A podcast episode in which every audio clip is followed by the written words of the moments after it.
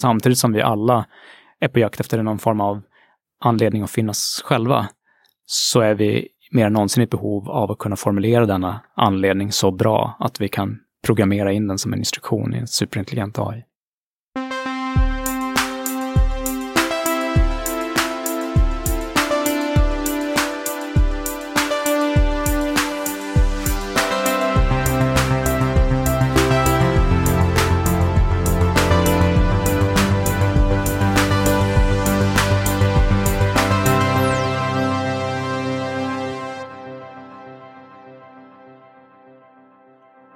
Hej och välkomna till Heja Framtiden avsnitt 20.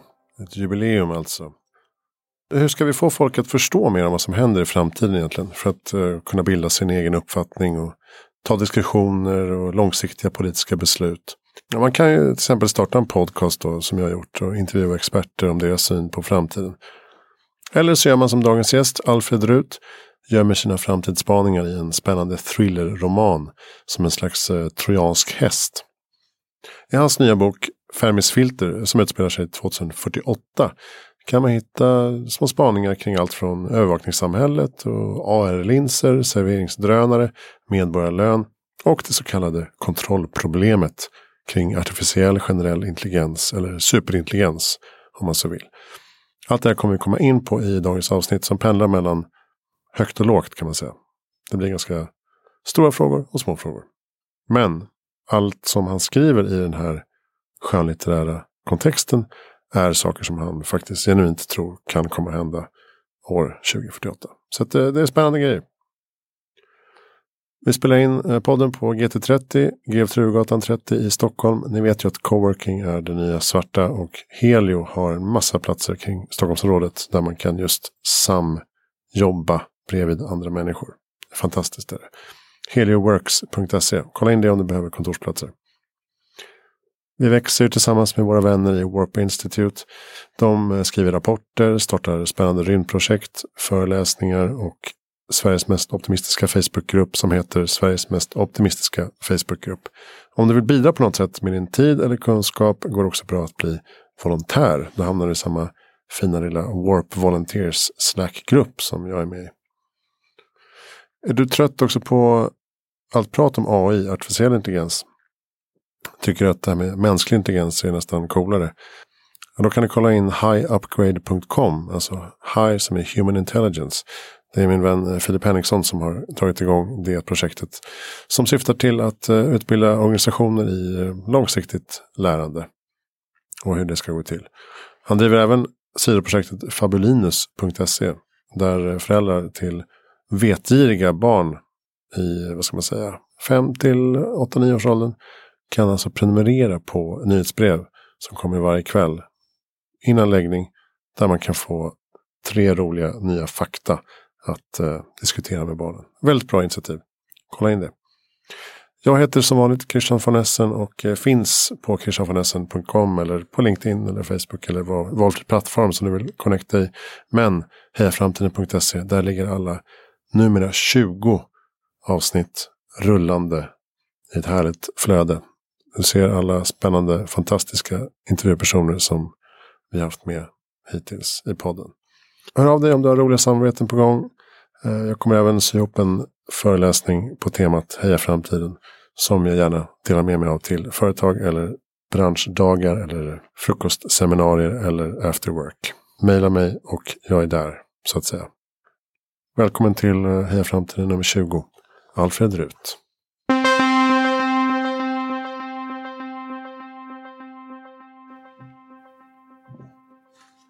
Välkommen till framtiden, Alfred Rut. Tack så mycket.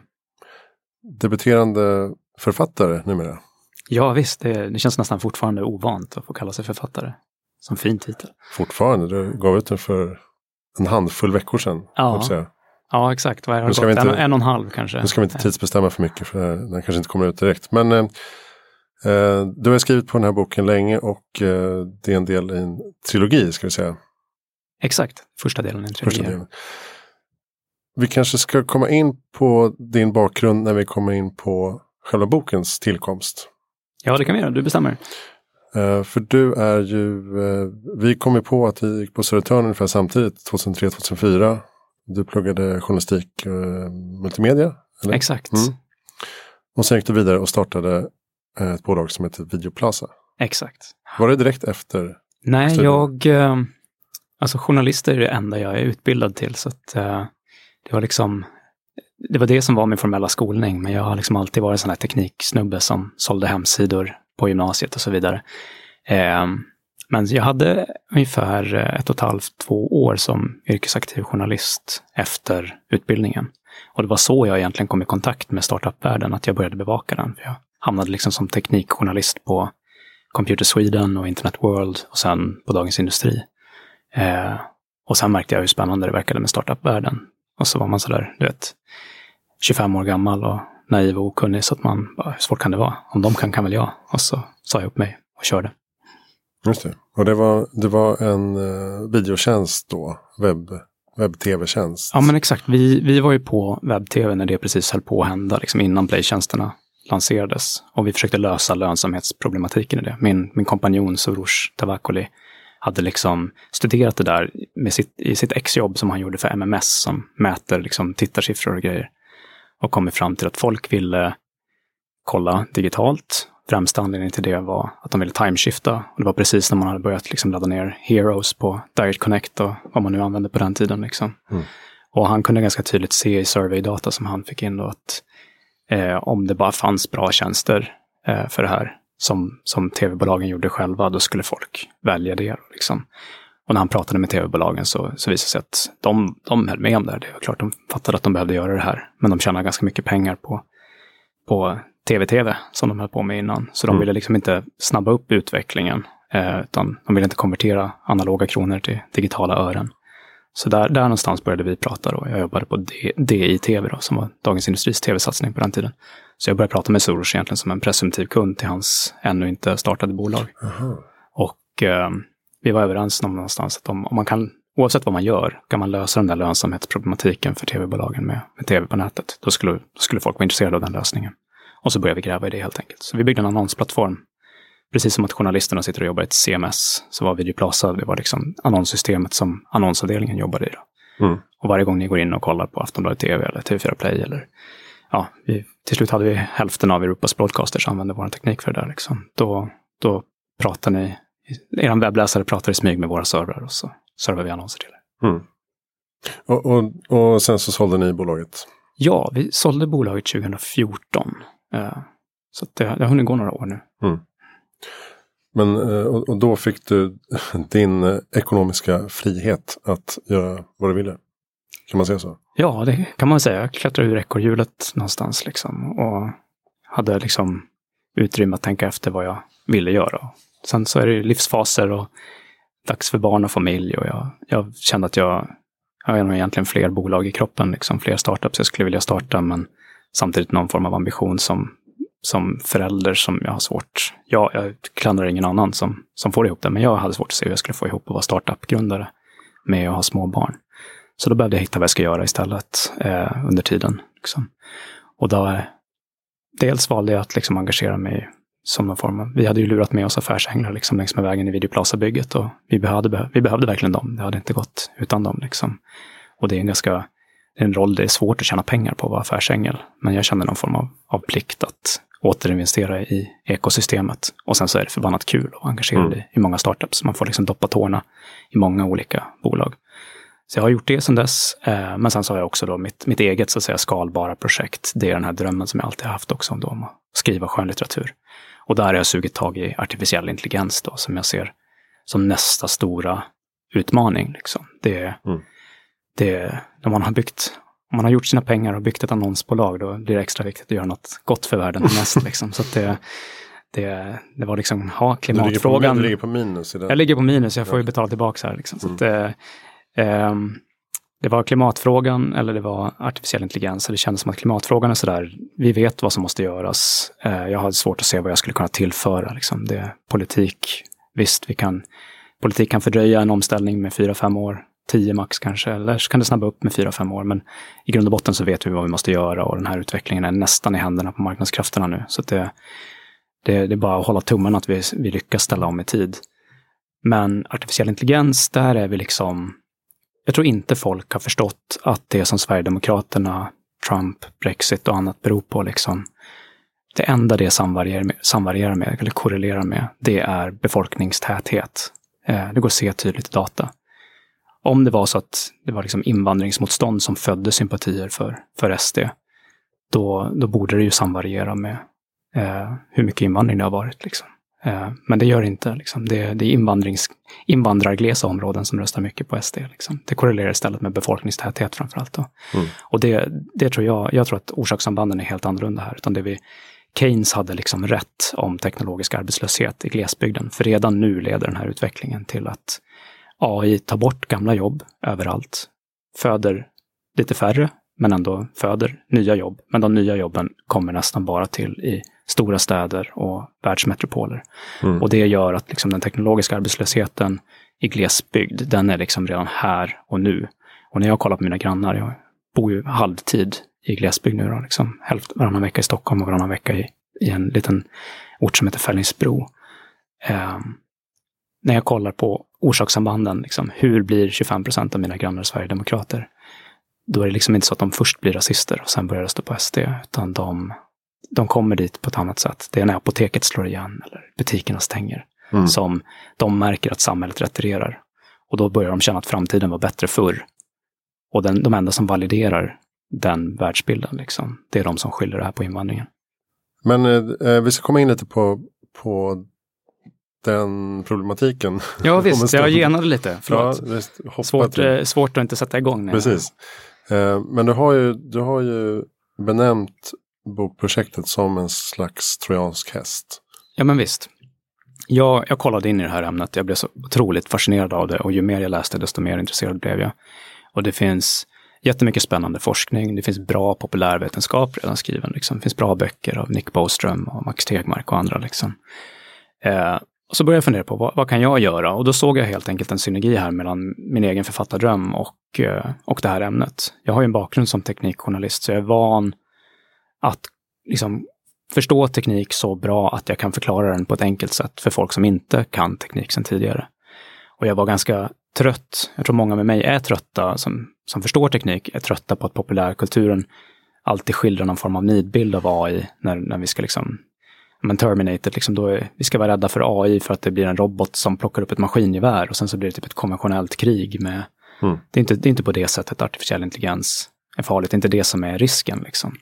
Eh, utan jag, jag kände att så här, jag kan nog bygga ett thrillerdrama här som, som verkligen, där det som är farligt med AI, det som driver dramat, eh, är det som är riskabelt på riktigt. Som tar, tar avstamp i de verkliga riskerna kring AI.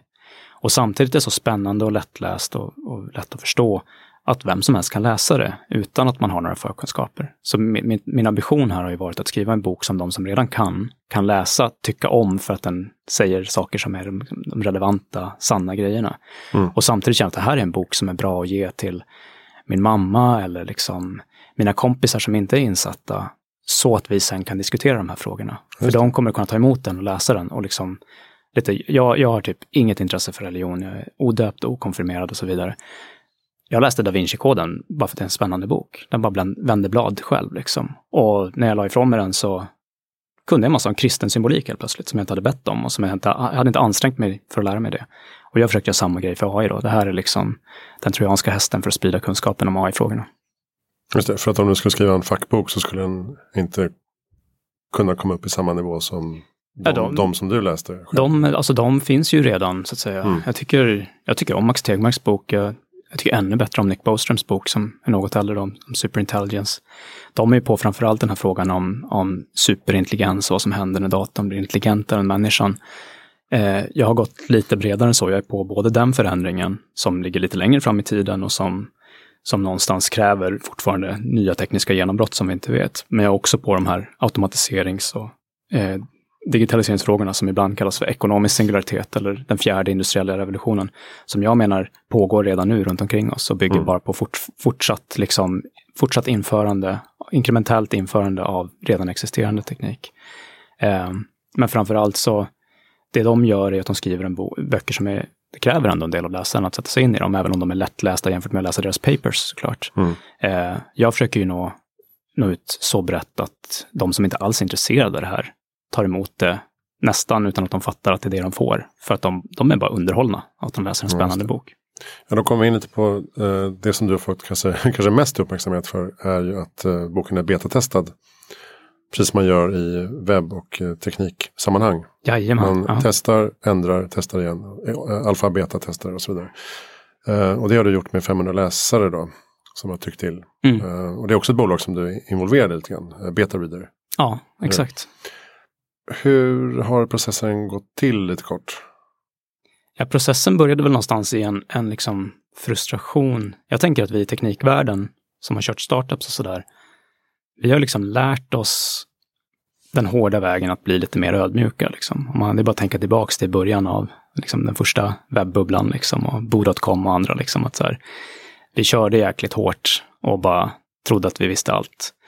Och jag tror att Videoplaza definitivt hade drag av så här hybris kring att vi hade förstått allt innan vi byggde. Liksom. Men framför allt under min mognadsgrad genom, liksom, eller efterhand som jag har mognat i teknikbranschen och framför allt nu när jag har ett lite bättre fågelperspektiv i många bolag så ser jag ju liksom hur otroligt tätt förknippat våra, ens chanser att lyckas är med hur duktig man är på att iterera snabbt och att testa mot sin publik. Fail fast, liksom det här mantrat som alla slänger sig med. I bokvärlden så är det ju liksom, det är totalt motsatsen. Det är, de flesta böcker som ges ut har liksom lästs av fem pers. Liksom. Det gör att alltså förlagens process för att välja vad de ska ge ut, det är att de läser böckerna. Alltså, och det de har inte råd att låta mer än kanske en eller två personer läsa. Och så är det liksom en subjektiv åsikt då från en eller två lektörer som ligger till grund för om man väljer att ta ett manus. Och det här gör ju att det är väldigt dyrt för förlagsvärlden att de får lägga jättemycket tid och pengar på att hålla på och läsa massa manus. De flesta suger ju. Liksom. Mm. Eh, och de har ganska lite resurser kvar till att jobba med de som verkligen förtjänar uppmärksamhet. Vilket gör att de här förlagen blir ganska dåliga på att på ett kostnadseffektivt sätt känna igen succéer. Så att väldigt många av våra bästsäljare, de har blivit refuserade om och om igen innan de väl blir tagna. Och förlagen blir väldigt sugna på att eh, ja, men vi, vi, vi kör en till bok av Guillou, den vet vi säljer liksom. Ja, precis. Eller så tar man någon som har många följare och så vet man att Ja, visst. Manuset kanske suger. Men i Känd, från tv och så får de liksom typ betalt förskott. Skriv en bok nu. Liksom. Mm. Nu har du varit med i, i Gift vid första ögonkastet, så nu finns det några som vill läsa din bok. Liksom. Jag, jag drar paralleller till hur spelvärlden jobbar. Liksom. Alltså mobilspelen har ju någonstans lett till att det blivit rimligt för independent-utvecklare att göra bra spel som är konkurrenskraftiga. Eftersom det, liksom, det krävs inte lika stora liksom, Hollywood-aktiga produktioner när man gör mobilspel. Och det har ju skapat en dynamik som är ganska lik bokvärlden egentligen. Där vi har spelförlag som är på jakt efter att känna igen nästa virala succé, nästa Angry Birds eller nästa Candy Crush så tidigt som möjligt. Mm. Så att de kan ta succén innan den har exploderat, trycka in, trycka in folk i den med sin cross, sina cross-promotion-kanaler och sen casha in på, på den virala succén. Och de hittar ju inte sina succéer genom att sitta och spela på kontoret och välja de spel som de tycker är roliga. Det är, de fattar ju att det är alldeles för subjektivt. De kan inte bedöma det. Liksom. De kollar ju helt enkelt på data. Eh, och därför börjar vi få liksom, motsvarigheter till Google Analytics som spelutvecklarna, indieutvecklarna får gratis. Och sen så säljer man kunskapen om vilka spel som går bra till förlagen. Liksom. Och där, där någonstans tror jag att Beta Reader passar in i, i bilden. Man ger författarna verktyg att testa boken mot publik. Eh, det gör att man får kunskap som man kan använda för att förbättra sitt verk. Men också förhoppningsvis då hårda kopior på hur boken presterar. Liksom, jag vet att ja, men, 31 procent av mina läsare läser ut min bok första veckan trots att det är en 400 sidor tjock bok. Så jag tror, har ju, som, än så länge har inte jag någonting att jämföra med eftersom jag är först ut. Men jag tror att det är en fantastisk siffra. Liksom. Mm. Att det, det är ett tecken på att det verkligen är en sid, spännande sidländare. Liksom. 98 procent rekommenderar den till andra. Liksom. 80 procent av de som säger att de ska rekommendera den ger mig också e-postadresser till andra. Liksom. Så det är verkligen så här, det är inte bara, ja, ja, det är klart att jag rekommenderar din bok, utan det är verkligen så här, här de här rekommenderar jag den till. Kan liksom. vem som helst lägga upp sitt manus där och registrera sig? Ja, eller Beta Reader är ju i beta, i beta liksom. Det, det är väldigt tidigt skede, så min Mm. bok är ju först ut. Alltså tanken med Beta Reader är ju liksom att på sikt så behöver det bli pengar in i det bolaget och där kommer vi nog att ta betalt från författarna också. Liksom. Men tanken är nog att det finns en play mot förlagen här. Det återstår att se hur trögrörlig den branschen är. De är inte liksom kända för att vara de snabbaste på att an, liksom hoppa på digitalisering. Nej, det finns väl någon gammal bild av eh, redaktören eller förläggaren som allvetande och ganska högt uppsatt inom kulturvärlden ja, då. Som sitter i sin fåtölj och eh, känner att det här, nu har vi hittat den.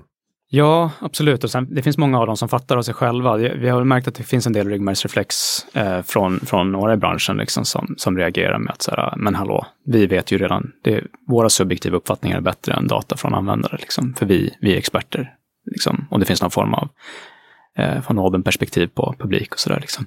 Men vår poäng är ju inte att man ska ta bort lektörerna, utan det, det snarare handlar ju om att så här, det är väl dumt att ni ska läsa alla manus. Kan inte, kan inte liksom fokusera er tid på de 10 procenten som har en chans att vara relevant att kolla på? Liksom. Precis. Hur, många, hur många debutanter prickar de rätt med? Det, ja, det kan inte vara så många. Det är ju det liksom. Det är ju alltså, det är ju rätt, alltså J.K. Rowling skrev ju en ny bok under pseudonym liksom och skickade in till förlag och får feedback att hon borde gå en skrivarkurs liksom. Mm. Eh, och det är så här, hon är ju inte ensam om det, utan så är det ju liksom. Eh, förlagen missar om och om igen eh, blivande bästsäljare för att deras process att känna igen succéerna innan de har blivit succéer, helt ärligt, suger. Mm. Eh, och det, det här är väl ett försök att göra någonting åt det. Och vi, naturligtvis sticker vi ut hakan lite med att säga det, att den här processen är trasig. Eh, jag tycker att vi har data på vår sida, så jag känner mig ganska säker på att vi får rätt vad det lider. Liksom. Vi får se hur många ovänner vi får längs med vägen.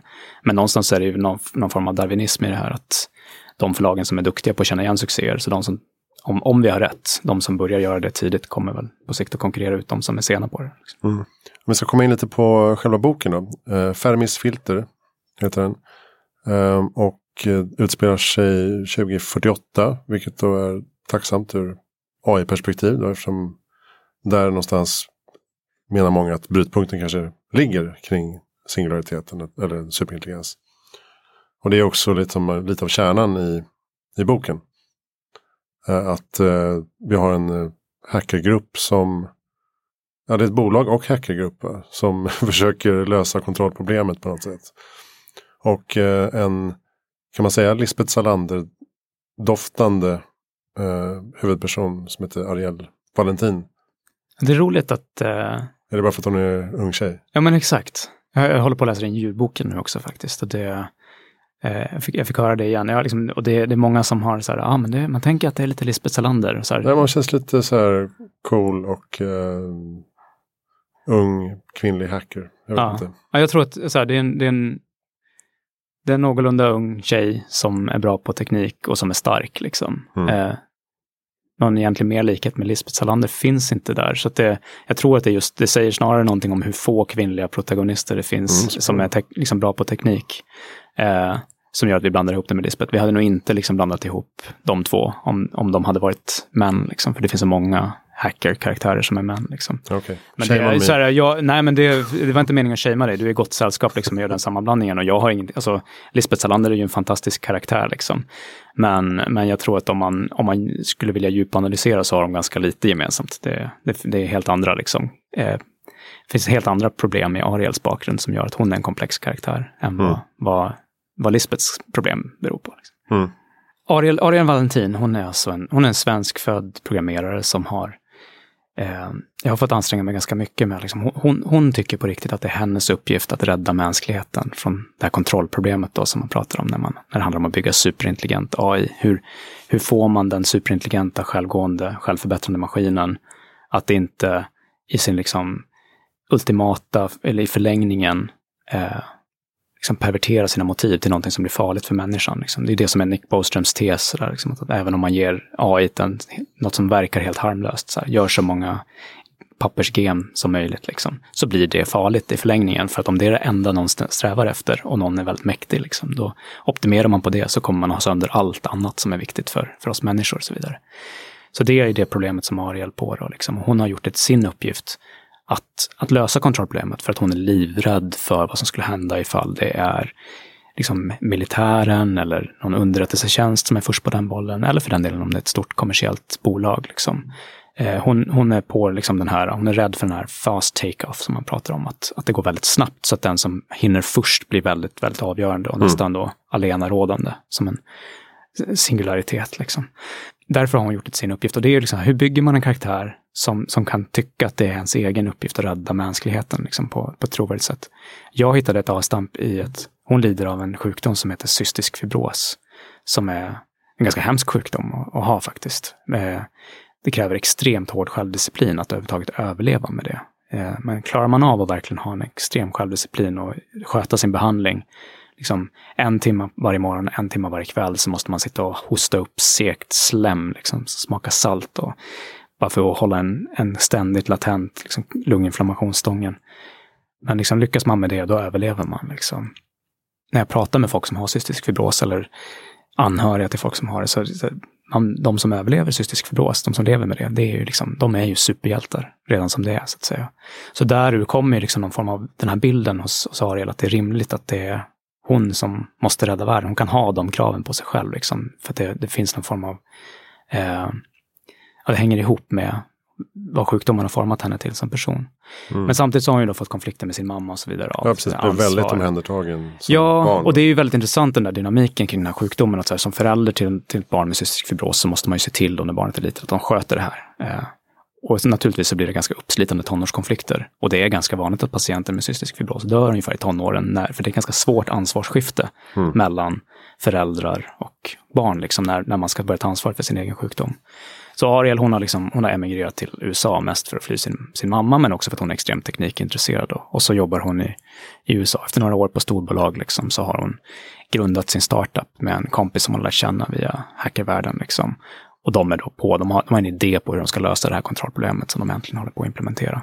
Men när boken tar sin början så helt plötsligt, och för Ariel nästan från ingenstans, även om det här, hon har haft hotet hängande över sig, så blir hon tvångsdeporterad från USA eh, och hemskickad till Sverige. Eh, det här är ju, boken utspelar sig i en tid som är liksom efter de här ekonomiska omställningarna, så samhället fungerar mycket med basinkomst. Då, liksom. eh, och det som led, basinkomst leder till, det, det är ju att liksom, extremhögern har ju någonstans fått rätt i att människor är en kostnad snarare än en tillgång. Liksom. Så att det, de har använt det till att bli, att det, liksom, migrationsströmmarna är ganska annorlunda i den här världen. Och eh, för att de liberala krafterna skulle få in, införa basinkomst så har de liksom varit tvungna att gå med på att okej, okay, men då får vi sätta amerikanerna, medborgarna först. Liksom. Och steg för steg håller USA på att slänga ut alla icke-medborgare. Då, liksom. Så Ariel blir tvångsdeporterad och hon tror att det är helt av en slump, liksom att det från ingenstans. Men det ska visa sig vara ganska tur, för att eh, samtidigt har NSA då fått upp ögonen för det som Ariel och Josh bolag Brains sysslar med och att de har kommit någon vart med sin, sin superintelligens då, som de kallar för Fermis filter. Och eh, NSA gör ett tillslag precis efter att Ariel blivit deporterad. Och ganska strax så, så inser Ariel det där vad som håller på att hända och förstår att hon har NSA i hasorna för hon har naturligtvis byggt in spärrar i Fermi, sin, sin superintelligens, som NSA behöver ha henne för att kunna lyfta så att de kan göra klart Fermi för sin egen, för sin egen räkning. Liksom. Och hemma i Sverige så stöter Ariel ihop med den neoludistiska teknikfientliga rörelsen, Fällingsbrorörelsen. Eh, Då får du inkopplingen till din hemort. Då. Så jag får inkopplingen mm. till min hemort, ja. Liksom. Eh, jag, tror att, jag tror att det är faktiskt en ganska plausibel skildring att det, det kommer finnas sådana rörelser. Vi får se om den uppstår precis i, i Fällingsbro. Då, liksom. Men det kanske kan vara så att det inte var en sån stor slump att Ariel blev deporterad i alla fall. Det kanske fanns någon som hade ett finger med i spelet till mm. att det hände, som räddade henne undan det där. Och till Ariels stora förvåning så kanske det visar sig att hon har mer gemensamt med den här teknikfientliga rörelsen än vad hon, hon trodde.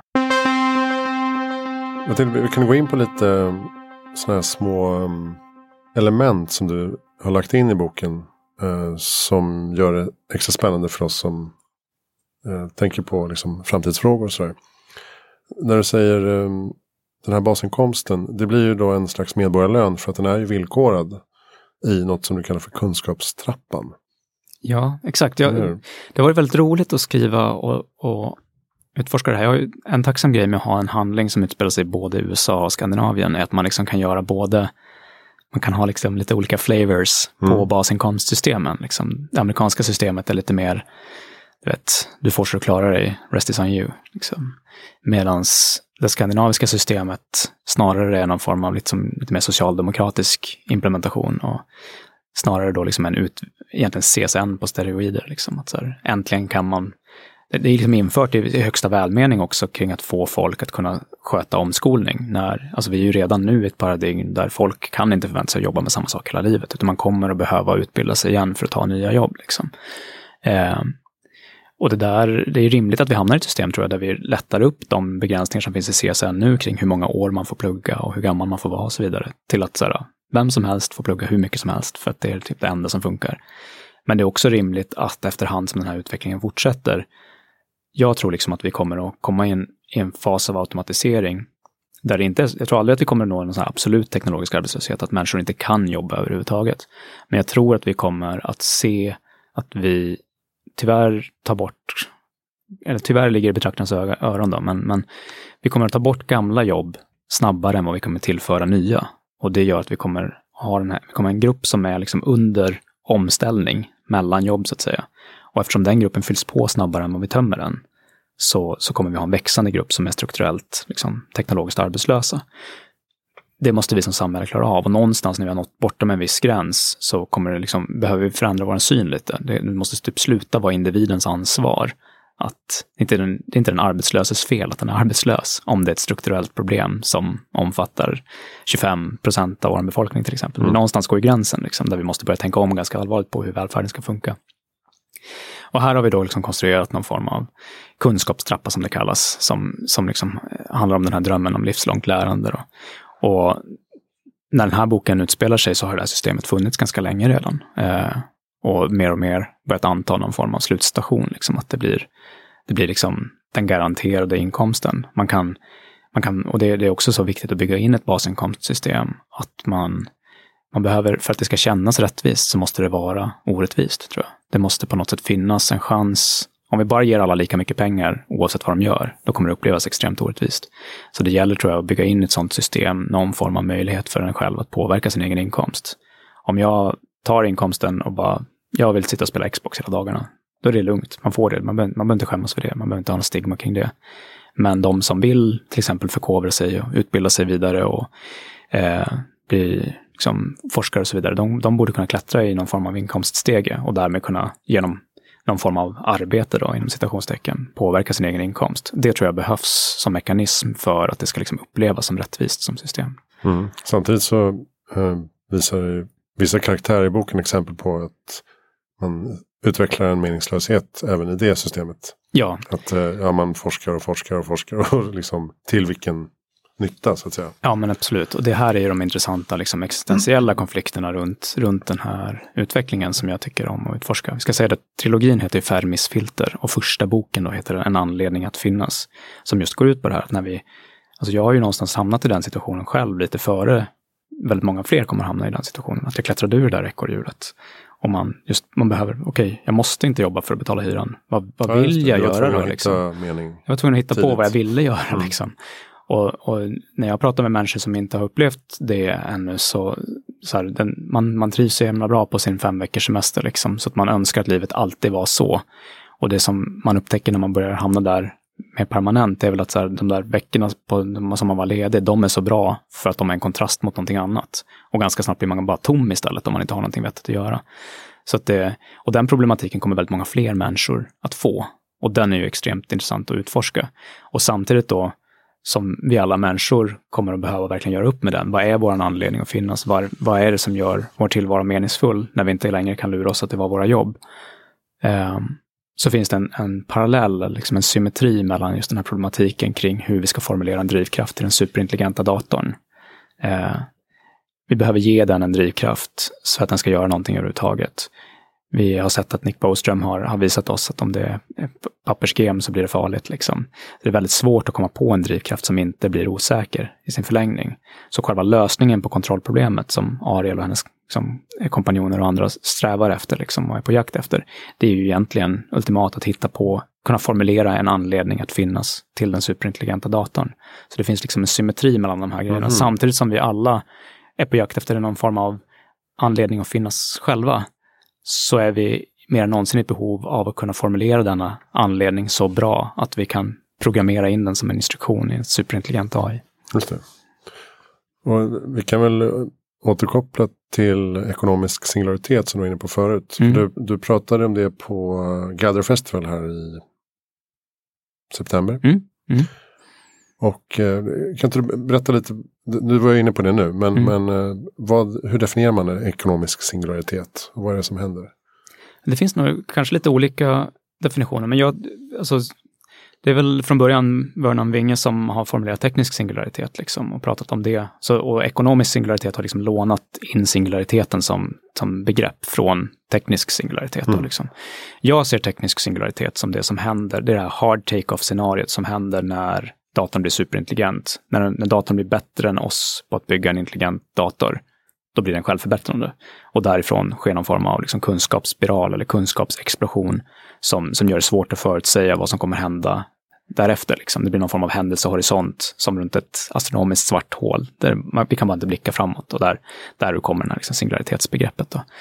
Eh, och sen så har ju då ekonomer börjat studera vad den här utvecklingen också leder till. Och de börjar, när de pratar om den automatisering och de förändringar i, i arbetsmarknaden som sker här och att vi, vi riskerar att hamna i en situation där egentligen det nuvarande paradigmet där vi har ägare av produktionsmedel som behöver, för att kunna liksom utnyttja dessa produktionsmedel, också behöver köpa arbetskraft av en stor grupp som inte äger produktionsmedlen. Eh, det paradigmet håller på att gå mot sin ände. Liksom. Och hittills bygger vår välfärdsstat och så vidare på att vi har ett skatteuttag framförallt genom då inkomstskatt på, på mänskligt arbete. Och hela den förändringen, när det här liksom sätts ur spel och vi kanske går mot att man inte i samma utsträckning behöver köpa arbetskraft för att genomföra produktion. Och hur ska vi då bevara köpkraft i samhället till exempel? Om, om fördel, så sättet som vi delar på pengarna som produktionen ger inte liksom fungerar. Eh, det, det kallar folk då ibland för ekonomisk singularitet. Jag brukar nästan försöka undvika det lite för jag tycker de är så kompakta de här begreppen och de det är svårt för folk som inte redan är insatta att förstå vad de betyder. Det finns andra begrepp som är till exempel den fjärde industriella revolutionen finns det några som pratar om. Tycker jag egentligen också ett ganska dåligt begrepp. För det är så här, okej, okay, vad var den andra och tredje då? Liksom? Det, man, det, jag, kom, jag har tappat räkningen själv mm. och jag tänker ändå ganska mycket på det här. Jag, jag, tycker om att tänka på det som, vi hade den industriella revolutionen som väldigt mycket gick ut på att automatisera och mekanisera fysiskt arbete som djur och människor utförde tidigare. Och den har gått ganska långt nu, så att vi, vi arbetar i ganska låg utsträckning med vår fysiska muskelkraft. Liksom.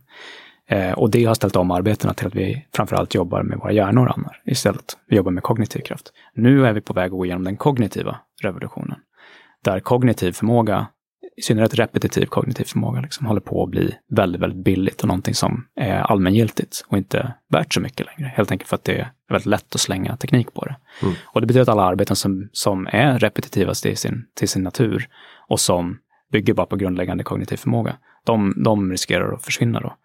Och tyvärr så är det inte liksom lika uppenbart som när vi slutade jobba med våra muskler, vad vi människor ska göra istället. Jag har svårt att förutsäga vilken kroppsdel vi ska börja använda istället då för, för hjärnan. Eh, om man vill vara en, liksom, optimistisk så kan man tänka att ja, men det kommer bara vara en omställning till att vi nu ska vi jobba med vår kreativitet eller fantasi då som alltså, eh, kognitiv förmåga som inte är så repetitiv till sin, till sin karaktär. Eh, jag, jag tror tyvärr att så enkelt kan vi liksom inte riktigt göra det för oss, utan den här omställningen riskerar snarare då liksom att eller, riskerar eller ger oss chansen att bygga om samhället från grunden. För det behöver inte vara negativt, utan Precis som Keynes när han förutspådde den teknologiska arbetslösheten på 1930-talet. Han såg det som något extremt positivt, att vi skulle kunna göra det som människor egentligen borde göra istället för att hålla på med meningslöst arbete. Mm. Eh, sen har ekonomer skrattat åt att Keynes hade fel väldigt länge. Det de inte har tänkt på det var att Keynes förutspådde att det här skulle ske efter hundra år, så det är först på 20-30-talet som vi kan liksom säga om Keynes hade rätt. Och nu börjar ju allt mer tyda på att han kanske får rätt till slut i alla fall. Då, liksom. Eh, och att eh, vi helt enkelt behöver bygga om samhället. Men vi har ju mer pengar än någonsin att dela på. Det är bara att vårt gamla sätt att dela på pengarna går sönder. Så om vi kan hitta på ett nytt sätt för hur vi ska dela på de här pengarna, då kan det bli väldigt bra för väldigt många. Mm. Om vi misslyckas med det, då får vi den jämlik jämlikhetsproblematik som redan nu syns i siffrorna. Som redan nu föder det här politiska missnöjet som eh, göder liksom, de extrem, extremhögern, populismen i, i alla olika länder. Eh, och lyckas vi inte hitta ett sätt att, att bromsa den ökande, de ökande klyftorna, då, då tror jag vi kommer att få gå igenom ett stålbad och ha ganska tuffa år innan vi till slut förstår hur vi ska försörja alla människor.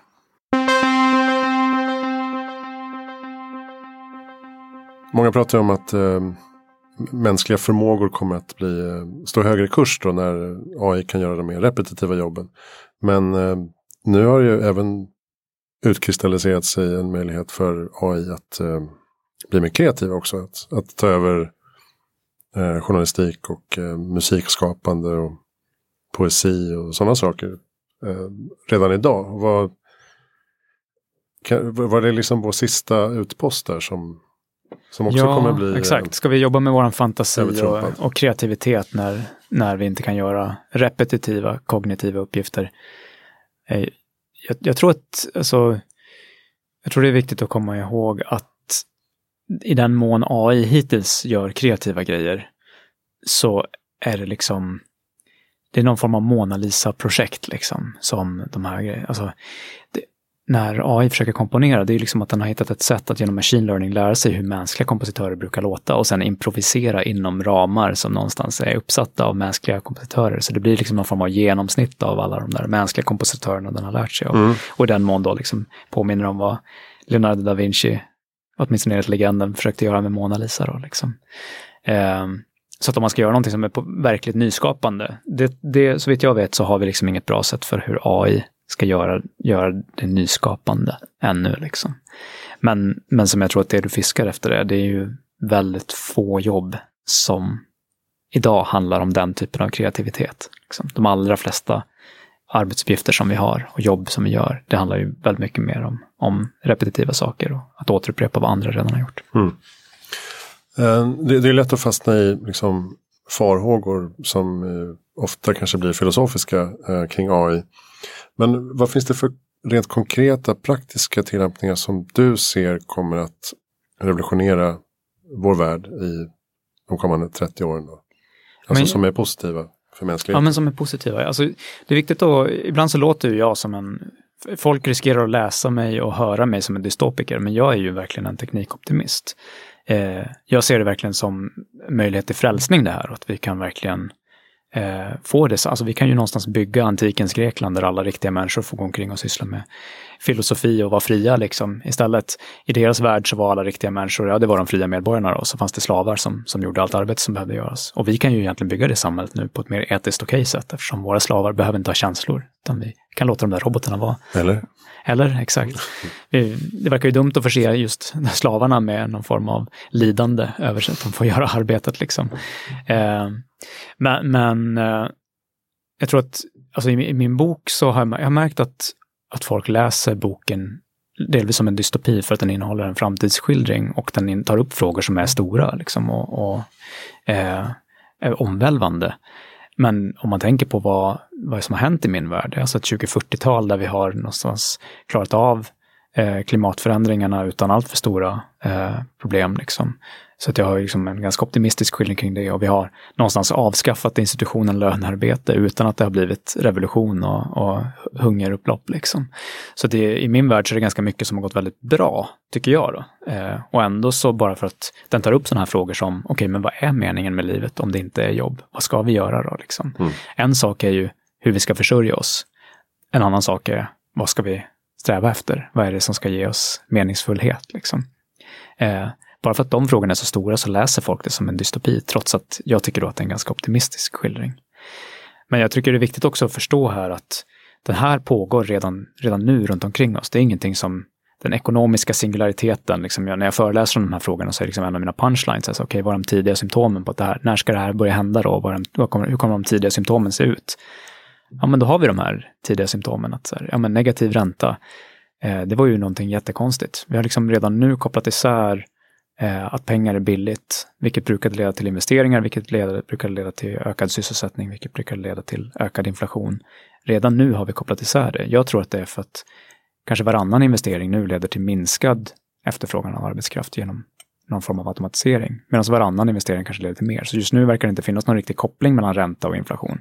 Eh, och vi, om vi går åt något håll så är det nog att det i ännu högre utsträckning blir så att billiga pengar leder till snabbare automatisering vi håller ju någonstans på och samtidigt som vi håller på att dressera datorerna till att bli mer och mer som människor så att de i större utsträckning kan ta över efter oss själva, så håller vi samtidigt på att dressera människor att få större och större acceptans för att interagera med teknik. Så att eh, jag tror inte vi tycker att självskanningskassorna på ICA eller att eh, resesajterna är liksom AI. Men, men den tekniken har ju också tagit bort jättemånga jobb liksom. Och den mm. processen mm. pågår parallellt här. Just det, om man, om man ser på din fordonsvision så är det ju eh, de flesta har ju då AV, så att säga, autonomous Mm. vehicles, alltså självkörande fordon av något slag. Mm. Eh, Men man kan fortfarande lägga in, man kan fortfarande köra manuellt om man vill. Mm. 2048. Mm. Eh, och så, och ehm, alla är då väldigt uppkopplade och kan spåras också. Exakt. Ett, en sån här, ett stycke som, som jag tyckte var, vi måste nästan prata om, är att eh, den här eh, amerikanska eh, underrättelsetjänstagenten Ava Peterson gör ett rymdhopp Mm. mellan USA och Stockholm istället för att flyga. För det tar Yes. för lång tid. Så hon gör ett rymdhopp som tar 30 minuter mellan USA Mm. och Stockholm. Ungefär. Mm. Vad, vad tänker du där? Vad är ett rymdhopp? Nej, men det är, ganska, det är, en, det är en ganska rak rip-off av eh, SpaceX eh, föreslagna. Och det, alltså SpaceX var ju inte först med den idén, utan den har, ju liksom, den har man ju läst om. Jag läste om den i Illustrerad vetenskap redan på 90-talet tror jag. Liksom, att just eh, om man får ekonomi i att ta sig ur atmosfären så går det väldigt snabbt att ta sig var som helst på jorden. Men eh, jag tror att vi nog kommer att se en ökande acceptans för den teknologin och att, att vi kommer att nå någon form av... Jag tycker att SpaceX har en trovärdig roadmap för varför de ska göra det. För att det ska liksom ge dem den typen av skalfördelar och ekonomi i det de egentligen vill göra, nämligen utvidga mänskligheten till andra planeter. Um, och eh, det finns en trovärdig roadmap också för hur, hur det ska kunna hålla klimatmässigt. Att, uh, visst, det blir ju gaser som skulle kunna utvinnas fossilt, men det finns också en trovärdig roadmap för hur de, de eh, beståndsdelar som behövs för bränslet kan utvinnas på ett uh, förnybart sätt och därför liksom vara miljömässigt hållbart att, att resa på det sättet. Och vinsterna är ju fullständigt uppenbara. Eh, i, min, I min värld här så är det liksom, det finns kvar konventionellt flyg också liksom. Eh, så det blir någon form av så här, affärsresenärerna som kunde få för sig att betala multum för att åka Concorde liksom. De kanske håller på med rymdhopp eh, med den här visionen 2048 liksom.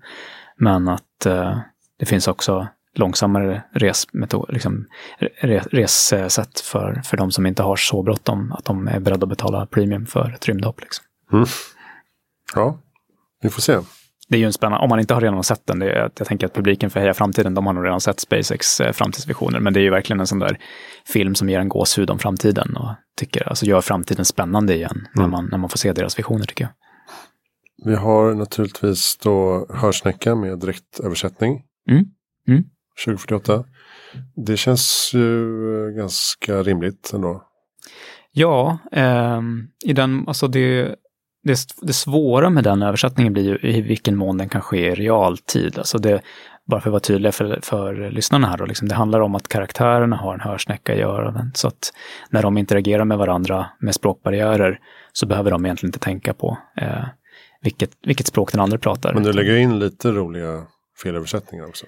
Ja, det är ju tacksamt att bygga humor på det. Att, eh, det, är ju, det är ju helt rimligt att, att eh, tekniken kommer att misslyckas med att översätta en del grejer. Så det, Mm. det kan ju bli lite ordvitsar och så här, översättningsvitsar.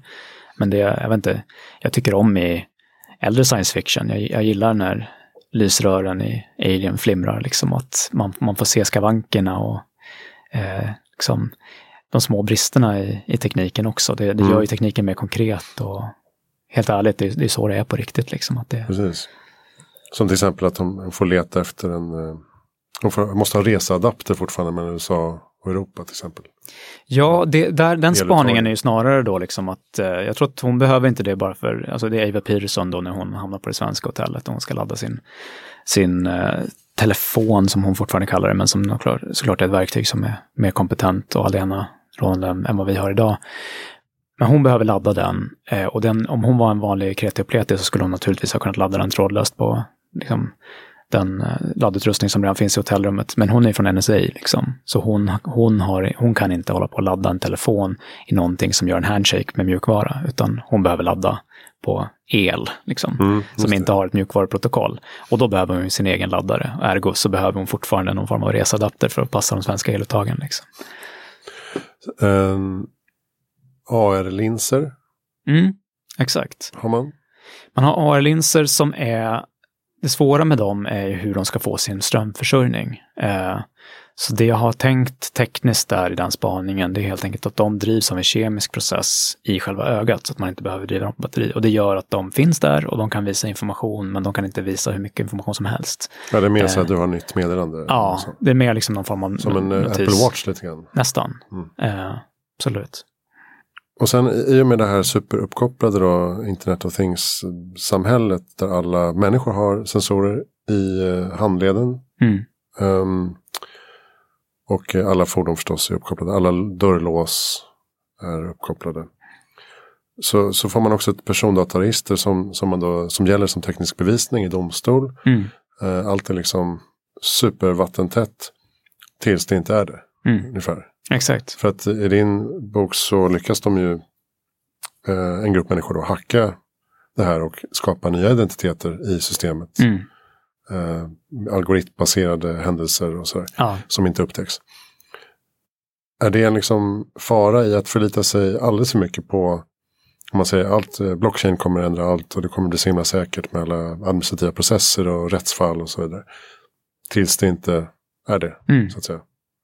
Ja, alltså det, här- det här bygger ju någonstans på en spaning om så här, hur gömmer man sig i det totalt övervakade samhället med liksom universell satellitövervakning hela tiden och med kontinuerlig, liksom, vi, vi loggar datahändelser överallt. Och vi har ju, vi är ju på väg ut för ett sluttande plan där. Det verkar inte som att det går att väcka opinion mot att vi ska fortsätta ut för det sluttande planet, utan varje gång vi får någon exceptionell nyhetshändelse som ja, terrorattentat eller någonting sånt, så tar vi oss ett steg längre på hur, beredd, hur långt vi är beredda att gå i övervakningsväg. Jag, har inte, jag ska säga att jag har valt att inte försöka fokusera för mycket på det här, för jag tycker den frågan är lite uttjatad. Eh, och den, den är inte så intressant för folk. Liksom. Men, men en spaning som jag har och som jag använder mig av i boken är att så här, sättet att gömma sig under, i ett samhälle eller på en plats som är ständigt övervakad, det är ju att lura övervakningen att den redan har tittat efter eh, och sett fel, så att säga, eller sett något annat än det som egentligen har hänt. Så man gömmer sig ju inte genom att inte finnas med i övervakningen, utan man skapar en sanning, till exempel genom att ta sig in i registret och skriva dit loggpunkter som säger det man vill att de ska säga, istället för de som faktiskt skapades där. Och så har de då eh, armband, metallarmband som blockerar chippet i handleden Ja, från att spåras. exakt. Det är ju någon form av liksom yxig lösning på att där och då undvika att man loggar det chip som man, Mm. man har inopererat, liksom, så att man till exempel kan logga ett annat chip som man har med sig. Det som är intressant är att jag, jag tror inte att den är så himla... Jag tror att det är en ganska plausibel spaning att strax efter att vi börjar ha ett sånt register, så jag tycker redan nu så kan man se på hur DNA-bevisning används, att det går väldigt snabbt för en sån teknik att bli verkligen vedertagen som teknisk bevisning. Och vi har redan liksom sett hur, hur dåliga domstolar och liksom, juridisk verksamhet är på att förstå sannolikhetskalkyler. Liksom. När vi har pratat om att så här, det, är, det är så här stor sannolikhet, det är en på miljonen att den här personen liksom, inte är den här, alltså att den här DNA-bevisningen inte binder fast, eller det är en på tusen och så vidare. Det har till jurister som en, tenden- en tendens att tolka som att så därför är det så. Liksom. Mm. Och vi har väldigt svårt att hantera den typen av, så här, är det här tekniskt sant eller är det inte det? Liksom. Eh, och naturligtvis tror jag därför att det är plausibelt att ett samhälle som får ett sånt här allenarådande register, eh, där man egentligen börjar koppla ihop persondata mellan alla myndigheter och så vidare. Och det finns så stora fördelar med att göra det, så jag tror att vi kommer hamna där. Det blir väldigt rimligt att det, på samma sätt som vi idag använder mobilmaster och annat för att spåra våra brottslingar, eh, helt enkelt kommer landa i att väldigt mycket av hur en polis eller hur polisen utreder brott handlar om att kartlägga händelseförloppet genom att koppla ihop de här datapunkterna. Och att om det stämmer så är det en väldig uppförsbacke för andra teorier på hur det har hängt ihop. Liksom. Mm, just det.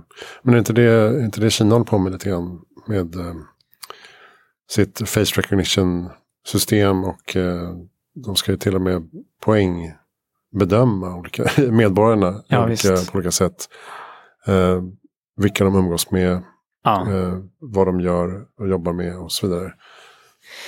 Ja visst, jag ska jag vara ärlig så har jag liksom inte, jag har spanat lite grann om Kina i den här första boken och det finns en backdrop som är liksom geopolitisk kring att det finns någon form av Pax Americana kvar som är liksom västvärlden, men det finns också en, en helt ny axel, eh, liksom maktaxel runt någon form av Pax Sinica då, som är liksom runt det kinesiska systemet. Och jag har spaningar om att vi bör hamna i någon form av, av eh, block och motsättningar här. Just den här grejen med att när människor eh, faktiskt blir en kostnad snarare än en tillgång. Det finns liksom ingen direkt koppling längre mellan storlek på ekonomin och antal invånare, ifall det inte är så att det är invånare som ska jobba för att få ekonomin att producera. Eh, då, då finns det ju liksom på en gång egentligen en ganska konkurrens, stor konkurrensfördel med att lägga sig i hur många barn folk får få. Eh, mm.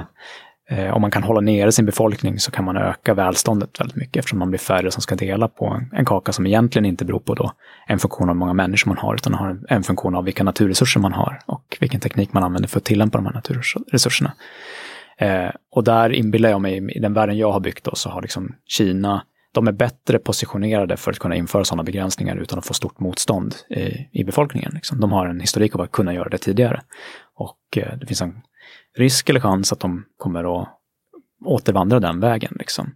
Och jag inbillar mig att de skulle kunna använda sin ekonomiska makt då, som de, de frigör där och sin konkurrensfördel mot en västvärld som inte är beredd att eh, eller inskränka friheten på det sättet, till att eh, egentligen tvinga andra delar av världen att så här, någonstans välja sida i, i ett block här. Och att man liksom har fått någon form av handelskonfliktsdynamik mellan de här blocken då, där, där väst tycker att det Kina sysslar med är att inskränka mänskliga rättigheter som man inte får inskränka. Och eh, att, man, att de genom att göra det ger sig själv eh, orättvisa fördelar, konkurrensfördelar. Och därför så måste man liksom på något sätt reglera handeln mellan, mellan maktblocken. Då liksom. Och det kommer bli mer Kina i, i bok två. Liksom. Okej. Och där, där kommer jag få vara tvungen att sätta mig in ännu mer vad jag tror om. om men, men det vi redan ser om de här, tycker jag, nästan mest ryktena nu då, kring vad de ska göra och inte göra kring poängsystem och annat för medborgare. Det passar ju in så att säga i den världsbilden som, Mm. som jag bygger. Ehm, och stadsbilderna ser lite annorlunda ut. Ehm, det finns inga, ja, bankkontoren är nedlagda då. Mm.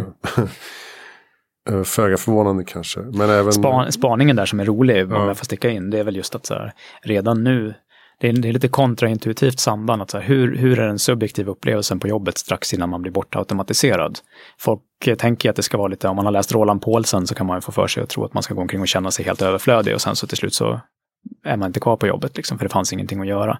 Men i själva verket tror jag mycket mer på det som är tvärtom, att precis innan man inte är värd att anställa så måste man jobba som hårdast för att det ska vara värt att anställa en. Liksom. Mm.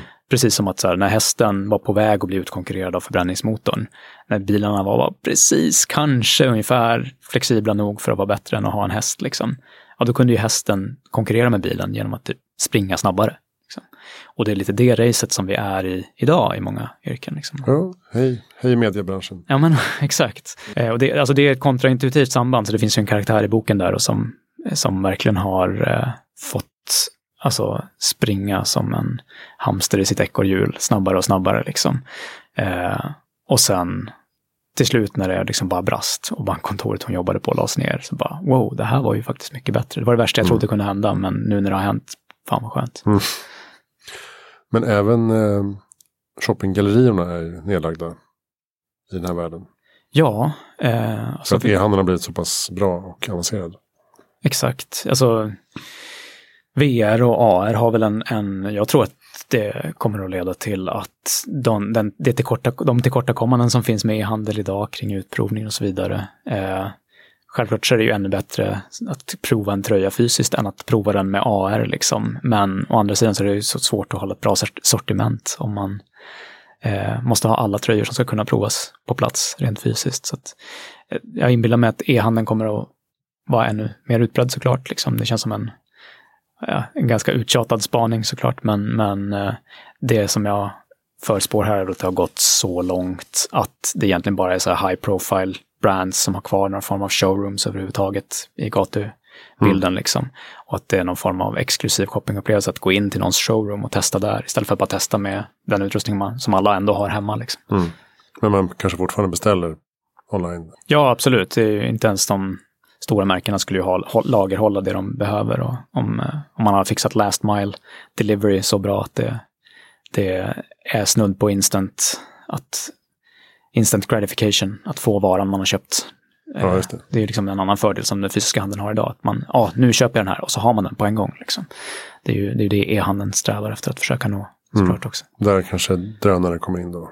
Ja, ja visst. Ja, överhuvudtaget automatiseringen gör ju att det blir, det blir fullkomligt rimligt att ha momentana transporter till Mm. vem som helst, när som helst. Du har ju till och med, du har till och med lagt in en serveringsdrönare som kommer med eh, glas whisky. Det tycker jag lät väldigt sympatiskt. Ja, och Ariel har ju liksom hjälpreda hemma i USA som fixar all tvätt och sådär också. Hon, behöver inte ens, hon vet inte ens riktigt hur det går till att hennes tvätt blir ren. Liksom. Ja. Så alla har ju sådana här hushållsassistenter som är liksom integrerade i sina, Det ser jag fram emot. sitt hem. Ja, det gör jag med. Ehm, det, det känns bara ganska självklart att vi kommer nog vara där på 20 2040-talet. Att de är... Jag tycker det har varit kul att utforska bara vad de ska heta. Mm. Sesam, fixa kaffe. Liksom. Mm.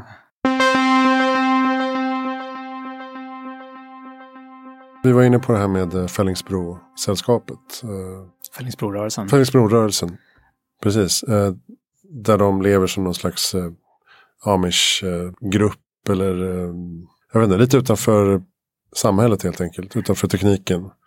Och eh, brukar jorden med traditionella medel. Som ju är fullkomligt främmande då för en vanlig stadsbo som kommer ut och ser det här då, 2048. Och de lägger alltså sin basinkomst som de redan har fått. Lägger dem in i Fällingsbrorörelsen för att få möjlighet att faktiskt jobba fysiskt. Mm. Så de betalar alltså för att, De köper, få de jobba. köper en anledning att finnas för Ja. sin basinkomst. Liksom. och det kanske inte är helt eh, orimligt heller. Nej, jag tror, jag tror att det, vi kommer att ha sådana... Många kommer ha den Jag tror inte att det längtan. kommer vara majoriteten som vill leva så, liksom, men att vi kommer säkert att se människor som kommer att ha den strävan. Så att det, spaningen där är ju någonstans att jag har förutspått att jordbruket kommer att ställas om så att vi har mycket av livsmedelsproduktionen är liksom fabriksodlat kött eller fabriksodlade cellkulturer och så vidare så att man kan få miljömässigt hållbar och etiskt hållbar, eh, hållbara livsmedel av animaliskt protein och alla andra typer av proteiner också. När man väl har fått snurr på det, då, då kommer vi att kunna både imitera all mat vi har idag, men också skapa helt ny mat som blir mycket mer effektiv än, än annars. Då. Så att, liksom, majoriteten av jordbruket bör ställas om till att bara maximera mängd biomassa man kan få ut för att skapa någon form av näringslösning som driver den här eh, labbodlade, fabriksodlade processen. Då. Och det Fällingsbrorörelsen har gjort, eh, det är liksom någon form av ny andra gröna våg där människor har liksom fått nog av att inte hitta någon mening i vad det är de ska sysselsätta sig med på fritiden. Inte velat gå in i det här och klättra i kunskapstrappan. Och istället då valt att flytta ut på landet och gå med i den här rörelsen där de ska driva konventionellt jordbruk, alltså jobba med det i någon form av, med någon form av 1900-talsteknik. Liksom. Och eftersom det är ett mindre produktivt sätt att göra jordbruk på innebär det att det är ju inte lönsamt. Det är för att det ska gå runt för dem så behöver de någon form av netto till, tillflöde av resurser. De behöver få in pengarna som de här människorna får i sin, sin basinkomst genom kunskapstrappan då, Mm. för för att finansiera att hålla på med det. Och sen, så de lägger alla sina pengar på att köpa utsäde och annat. Och sen så behöver de ju då jobba häcken av sig för att kunna så i sin tur äta det de valde att köpa för sin basinkomst. Eh, men i den här rörelsen finns ju då samtidigt det här eh, aktivistiska eh, stråket som inte liksom är liksom egentligen känt för hela Fällingsbrorörelsen och som eh, den här otroligt komplexa karaktären Terje då eh, eh, är ledare för. Och de har liksom tagit den här aktivismen till nästa nivå. Deras, hela deras tes är någonstans att vi kan inte ha den här urskillningslösa eh, acceptansen av teknisk utveckling, där vi tror att all teknisk utveckling alltid är av godo oavsett vad det är, utan vi måste fundera över vem vinner på det här och hur ska och varför är det de som ska vinna och vad ska vi välja och hur ska vi forma samhället? Och de håller då på med någon form av aktivism slash terrorism mot samhället där de använder sin ganska kapabla, då, de är ganska kapabla tekniskt och använder den tekniska förmågan till, Mm. att, till att då försöka göra människor medvetna om eh, orättvisorna som den här tekniken skapar. Och det är ju liksom en blinkning till, jag ser redan idag hur tekniken och automatiseringen skapar orättvisor i fördelning. Jag tillhör ju själv en grupp som verkligen har vunnit på den tekniska utvecklingen. Men vi har stora grupper i västvärlden då framför allt som globalt sett var höginkomsttagare på 70 och 80-talen som verkligen har halkat efter i inkomstutvecklingen och är de stora relativa förlorarna, förlorarna, förlorarna på den här utvecklingen. Eh, och vi som är vinnarna på utvecklingen, vi måste nog förstå att vi behöver hitta en lösning rent fördelningsmässigt hur det här ska komma alla till del.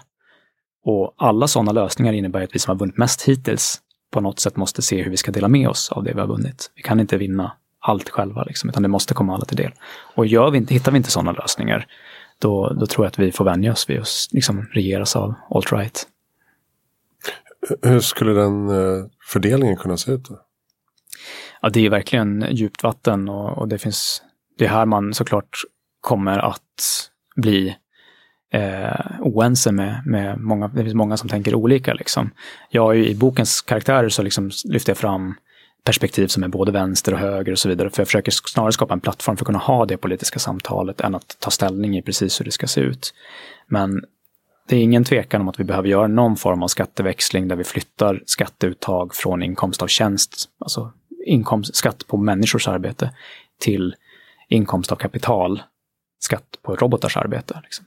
Robotars arbete uppstår idag som inkomst av kapital på för den, alltså den som äger roboten tjänar pengar på robotens arbete. Och det idag är det lägre skatt på robotarbete då än människoarbete. Så beroende på vilka glasögon man har på sig kan man säga att vi idag subventionerar robotarbete framför mäns människoarbete. Och i takt med att vi får en, om, om jag har rätt i de här spaningarna, att det blir ovanligare och ovanligare, en lägre del av det arbete som utförs i samhället utförs av människor, då behöver vi någonstans flytta det skatteuttaget. Och personligen tror jag att det är väldigt svårt att beskatta kapital i en nationalstat ensam. Utan det är nog reformer som man i så fall, då får man kapitalflykt istället. Det är lättare att flytta på kapital än på människor. Liksom. Så då behöver vi nog politisk integration och vi behöver globala, eller åtminstone liksom eh, regionala reformer i block som EU, Nordamerika och så vidare. För att liksom införa någon form av skattelagstiftning kring det här. Så att vi kan flytta skatteuttaget. Eh, för samtidigt så är vi ju på någonstans i en position där att om vi ska införa sådana här basinkomstreformer då, då behöver liksom skatteuttaget proportionellt mot ekonomin växa lite grann. Liksom. Eh, pengarna kommer finnas där. Tårtan som vi alla har att dela på, den är större än någonsin. Men mm. sättet vi delar på den behöver förändras. Och om alla människors inkomst, eller de flesta människors inkomst, ska komma via ett skatteuttag, ja då måste nog skatteuttaget växa, liksom, samtidigt som det behöver flyttas. Mm.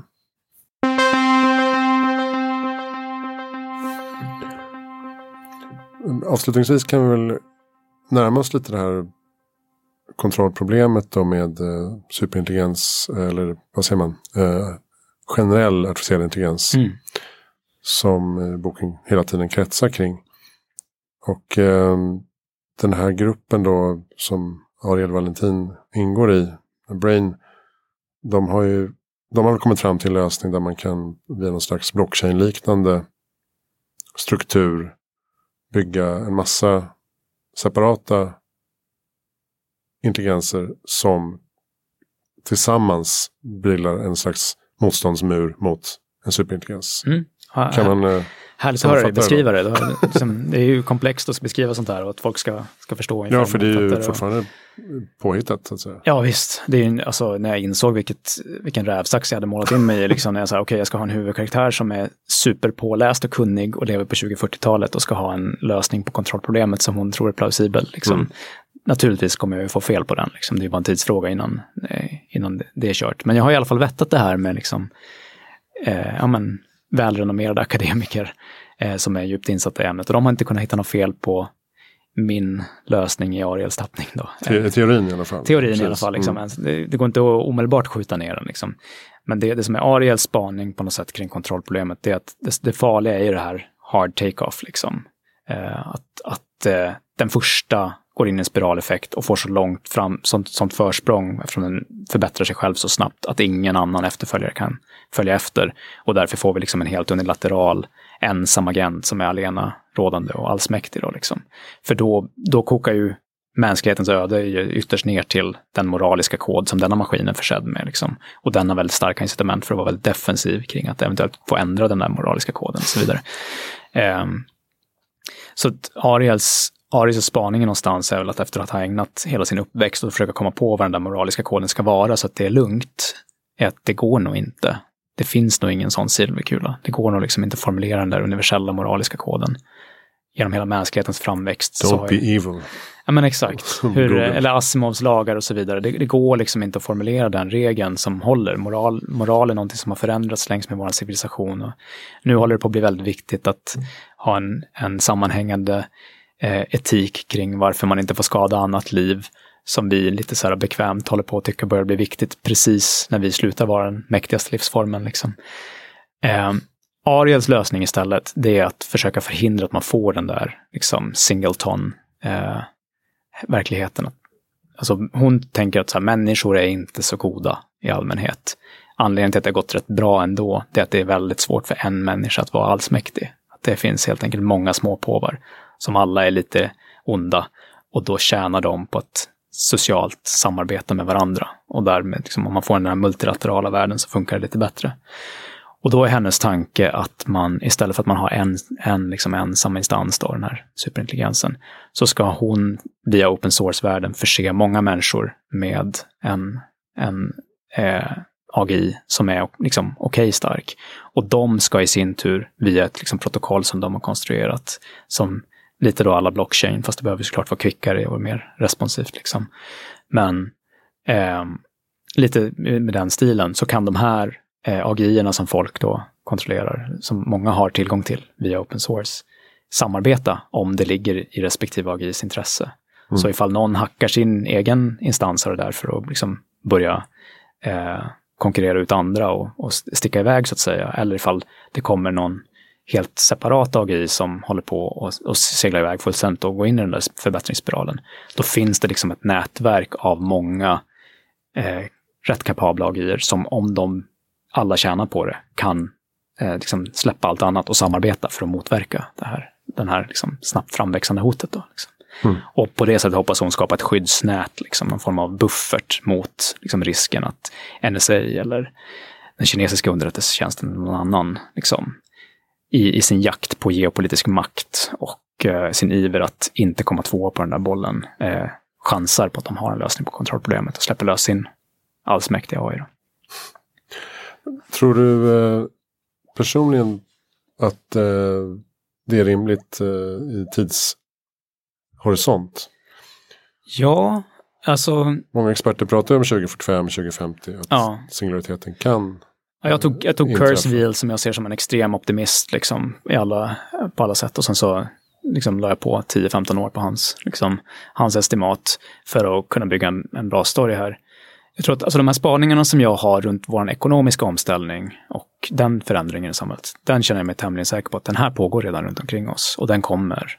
Det, det är nästan helt säkert att jag i åtminstone mångt och mycket kommer få rätt, liksom, att vi har, vi har den här utmaningen de spaningar som jag har mer kring teknisk singularitet och superintelligens, där tänker jag ganska mycket som, som Nick Bostrom gör, att så här, ja men det kanske är 10-20 procent att det här händer 2050, kanske 50 procent sannolikhet att det här händer under min livstid. Liksom. Jag är ju 35 nu. Liksom. Eh, men om det händer, då tror jag också att det är ganska hög risk att det är väldigt farligt. Liksom. Det är ju framförallt det hard take-off scenariot som, som är farligt. Så jag tror att det, ja men säg att det är 50 procents chans att det här händer under min livstid. Och att det om det händer är kanske 80 procents risk att det blir rejält farligt för mänskligheten.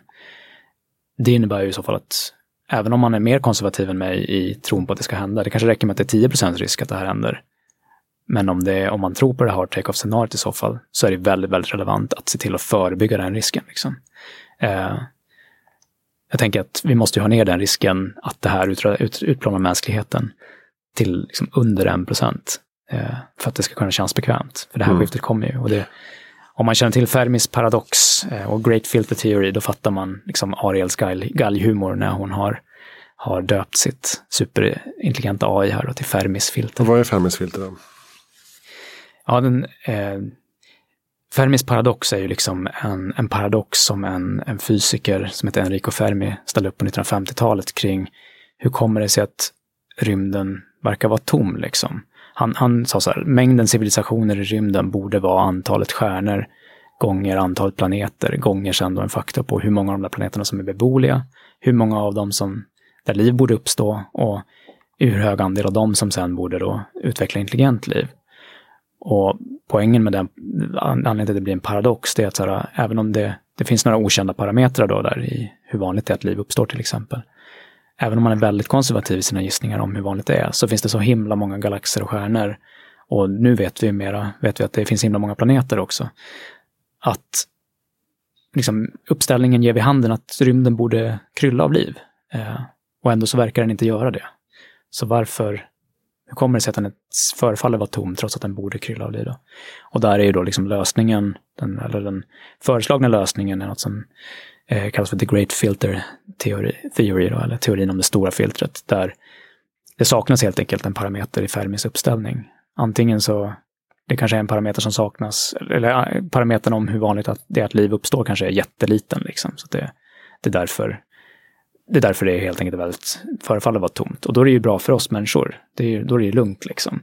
Vi finns ju uppenbarligen. Så att om det är därför det är tomt, för att det är så ovanligt att liv uppstår, då är det lugnt för oss. Och det den här grejen som gör till exempel då att Nick Boström tycker att det är jätteläskigt om vi hittar liv på Mars. För om det finns liv på två av två beboeliga planeter i vårt solsystem, det ger vid handen att det är ganska vanligt att liv uppstår. Och då verkar det ganska troligt att den här, det här filtret då ligger framför oss istället. Eh, det skulle till exempel kunna vara så att det saknas en parameter som är att intelligent liv har en tendens att utplåna sig själv igen ganska snabbt. För då är i så fall universum fyllt av ljusblixtar där liv uppstår och sen snabbt försvinner igen några hundra år efter att det har blivit intelligent. Liksom. Och det är ju det som Ariel Valentin sa här då, att hon, hon någonstans tror att det är ett extremt svårt skifte att klara övergången från biologisk intelligens till artificiell intelligens. Och de flesta rymdvarelser före oss har misslyckats. Och det är hennes uppgift då, att se till att vi lyckas. Mm. Lyckas hon så har hon skapat Fermis filter. No pressure. Positiv bemärkelse. Misslyckas hon så har hon skapat Fermis filter i negativ. Ja, precis. Um, och vi tar också upp det här, om man vill veta mer om det så tar vi upp det i uh, avsnitt sju med Karin Ism. Som pratar om uh, globala utmaningar. Um, hade vi något mer? Ska vi se. Jag kan säga det att uh, boken finns ju ute till försäljning nu. Den finns i alla vanliga bokhandlar. Och om man någonstans håller med mig om det här. Jag, jag, skriver den här boken verkligen för att jag tror på riktigt att det här är de viktigaste frågorna vi har att, tampas med och att nästa val måste börja handla om de här frågorna och de här, hur makten fördelas i samhället och hur vi ska klara av att få den här utvecklingen av alla till del. Så håller man med mig om det, läser man boken och gillar den och så vidare, snälla hjälp mig och sprida den till folk. För den här behöver komma i händerna på de som är svåra att nå. Eh, de som vi kanske behöver vinna tillbaka från Sverigedemokraterna, som behöver ändra sin analys av vad det är som händer runt omkring dem och hur vi, mm. hur vi ska få samhället att bli bra för alla igen. Liksom. Framtiden ser vacker ut för alla igen. Eh, den kommer snart också som ljudbok. Jag håller faktiskt på att läsa in den själv nu eh, eh de här dagarna runt omkring här. Så att, den kommer förmodligen någon gång under oktober ut i, i alla streamingtjänster också. Ja, man kan väl konstatera att valrörelsen inte har adresserat de här problemen jättemycket. Nej, och jag, jag har pratat en del med politiker på både högre och lägre nivåer. Och jag, när jag började göra det så trodde jag att de inte hade koll på de här frågorna. Och det till min förskräckelse så visar det sig att de har ganska bra koll. De känner till de här mm. grejerna. Det är bara det att eh, det är så, alltså det politiska, den diskursen där den är idag gör att det är politiskt självmord att någonstans påstå att arbetslinjen är på väg att spela ut sin roll. Och att vi inte riktigt kan sträva mot full sysselsättning. Att vi kanske är ett decennium bort från att det börjar bli orimligt att vi ska tänka att alla människor ska försörja sig själva genom att arbeta man kan liksom inte säga det högt för att det är så grundmurat i oss alla med de här lutherska idealen. Så att de enda som säger, har sagt det överhuvudtaget är Miljöpartiet och framstår som vänsterflummare liksom med, med sina liksom, förslag om medborgarlön.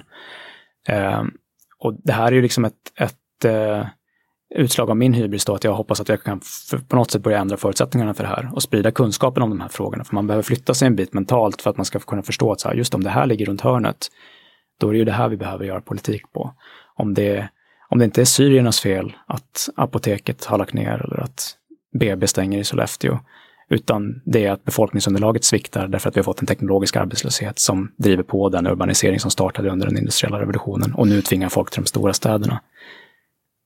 Om det inte är syriernas fel, utan det var den tekniska utvecklingen, och den tekniska utvecklingen inte riktigt är någonting vi kan välja, den får vi vare sig vi vill det eller inte, då kanske det är en annan politisk vision än liksom, rasism och eh, nationalism som ska ta oss ur det. Liksom. Och den politiska visionen måste vi skapa utrymme för de andra partierna att, att helt enkelt lansera och göra politik på. Och det hoppas jag att vi kan börja få till stånd till nästa valrörelse. Mm. Jag tror att det, det är för svårsålt för väljarna helt enkelt. Ja, just nu så tror jag att väljarna, väljarna befinner sig för långt från det här. Det är viktigt att liksom, basinkomst som idé, den är liksom i, i sam, det politiska samtalet så verkar det bara vara vänstern som är för det, men det är alltså i akademin så är ju då är man för det från vänster till höger. Milton Friedman redan på 70-talet kallade det för negativ inkomstskatt liksom. Och libertarianerna älskar det liksom. Så att det, det är liksom inte en vänster eller en högerfråga, utan det, det är en fråga som är mycket större och som jag tror vi, vi måste prata om det och vi måste hitta vi måste få vänstern att vara före på sitt sätt, vi måste hö få högern att vara före på sitt sätt och så måste mm. vi ha en, en, politisk kompromiss däremellan för hur vi ska genomföra reformen. För misslyckas vi med det så kommer vi att verkligen få folk som lider och blir farliga. Mm. Ja, vi har ett avsnitt 10 med Christian Engström, gammal piratpartist, som pratar om basinkomst. Eh, och jag frågar, kan, kan det, är det rimligt att tro att man kan införa det här inom 20-30 år? Han bara, nu? Mm. Det kan vi göra direkt, om vi vill. Mm. Avslutningsvis då, har du något tips till hur vi kan göra världen lite bättre i framtiden? Alla. Tack för den. um, Lifehack. Ja, men jag, jag, jag tror att världen behöver, för att världen ska vara en bra plats att leva på, så behöver den vara lagom orättvis. Det måste vara så att det lönar sig att, att kämpa, att man kan påverka sin, egen, sin egen utkomst. Liksom. Men den får inte vara så orättvis att människor känner sig fastlåsta i desperation och inte kan göra någonting åt sin egen situation, för då blir människor farliga. Eh, så jag tror på riktigt att det handlar om att vi tillsammans ska uppfinna ett sätt hur vi kan, alla de här frukterna som den här tekniska utvecklingen ger oss, hur ska vi dela på dem på ett bättre sätt? Löser vi den frågan, och jag har ju några konkreta förslag då i den här boken, liksom. Mm. löser vi den frågan, då kan det här på riktigt bli liksom det här utopia som vi alla har drömt om. Liksom. Att shit, vi, vi slipper jobba med skitgöra. Eh, och vi kan få det helt bra. Och vi kan ha tid att ta hand om våra nära och kära och vi kan hinna med alla våra hobbys och så vidare. Eh, sen får vi gräva djupt i våra ideal för att liksom göra upp med den här stressen som alla har i sig om att vara flitiga. Liksom. Eh, man behöver omprogrammera sig själv lite. Mm. Men det har vi sett i tidigare epoker, att det går att göra. Liksom. Det, det går alldeles utmärkt att vara lycklig utan att jobba häcken av sig hela tiden. Du lyckades nästan, för du började, med, började jobba häcken av dig Ja, för ett annat projekt. nej, jag är en sån hycklare. jag, knarkar ju, knarkar ju min arbetsnarkomani Mm. i alla fall. Ehm, har du några bra boktips för den som är intresserad av sådana här frågor? Du nämnde Nick Boström. Tegmark. Ja, jag tycker ju liksom att, jag tycker att Nick Boström och Max Tegmark, om man inte liksom har läst in sig på de här frågorna, då är deras böcker väldigt bra att läsa. Jag gillar även en amerikansk författare som heter Martin Ford som skriver bra om automatisering eh, och liksom framtiden på arbetsmarknaden. Sen tycker jag faktiskt att, men man kan ju vara överens med honom eller inte, liksom, men jag tycker att, att Piketty och kapitalet i det 21 århundradet är bra läsning för att förstå dynamiken bakom kapital. Liksom. Mm. Eh, och jag håller inte alls med. Han, han tror ju inte att vi står inför några stora omvälvningar i liksom, ekonomin. Så att man kan ju man kan ta med spaningar som sådana som jag gör, Martin Ford eller Max Tegmark, och läsa Piketty med de glasögonen och försöka då förstå hans regler för, för kapital. Eh, hur, det, hur det blir med, med en värld där tekniken förändrar väldigt mycket. Eh, för det, men någonstans där tror jag man kan börja vara nära att själv konstruera liksom, lösningar på hur politik skulle behöva se ut för att skapa det här samhället. Liksom. Mm. Vem tycker du att vi ska intervjua i Heja Framtiden? Jag tycker det vore kul om du kunde hugga Anders Sandberg eh, Mm. från Future of Humanity Institute. Eh, eh, när han är i Stockholm, det är han ju ibland. Eh, Ja, jag har varit nära, men eh, Ja. jag ska absolut. Han är ju han är väldigt intelligent och eh, intressant människa att, att plocka hjärnan på. Eh, men annars tycker jag du ska ställa alla de här frågorna som det här har väckt till, eh, till politikerna. Då. Till Damberg och andra liksom, som kan behöva svara på det här. Mm. Eh, det skulle vara, jag skulle uppskatta all hjälp jag kan få att få dem att tvingas tänka på det här. Ja, vi får se vad... I, i, I talande stund så vet vi inte riktigt vad det blir för regering. än. Nej, Så att, eh, vi nej. får se. Men eh, vi håller på med ett projekt, eh, Warp Institute, Synfält framåt och Heja Framtiden. där vi ska donera en bok, eh, Upplysning nu, av Steven Pinker. Donera den, en eh, bok till varje ny riksdagsledamot. Så vi crowdfundar den, det ini- initiativet så att säga. För att alla ska bli lite mer upplysta kring världsutveckling och ehm, få bort det här eh, svartvita liksom, tänket i politiken. Mm. Bra. Ehm, tack snälla Alfred Ruth. Tack så För att jättemycket för att jag fick vara med. Fermis filter, hoppas ni... Fermis Filter, läs den. Eh, finns på Teg Publishing och eh, info finns på fermisfilter.com.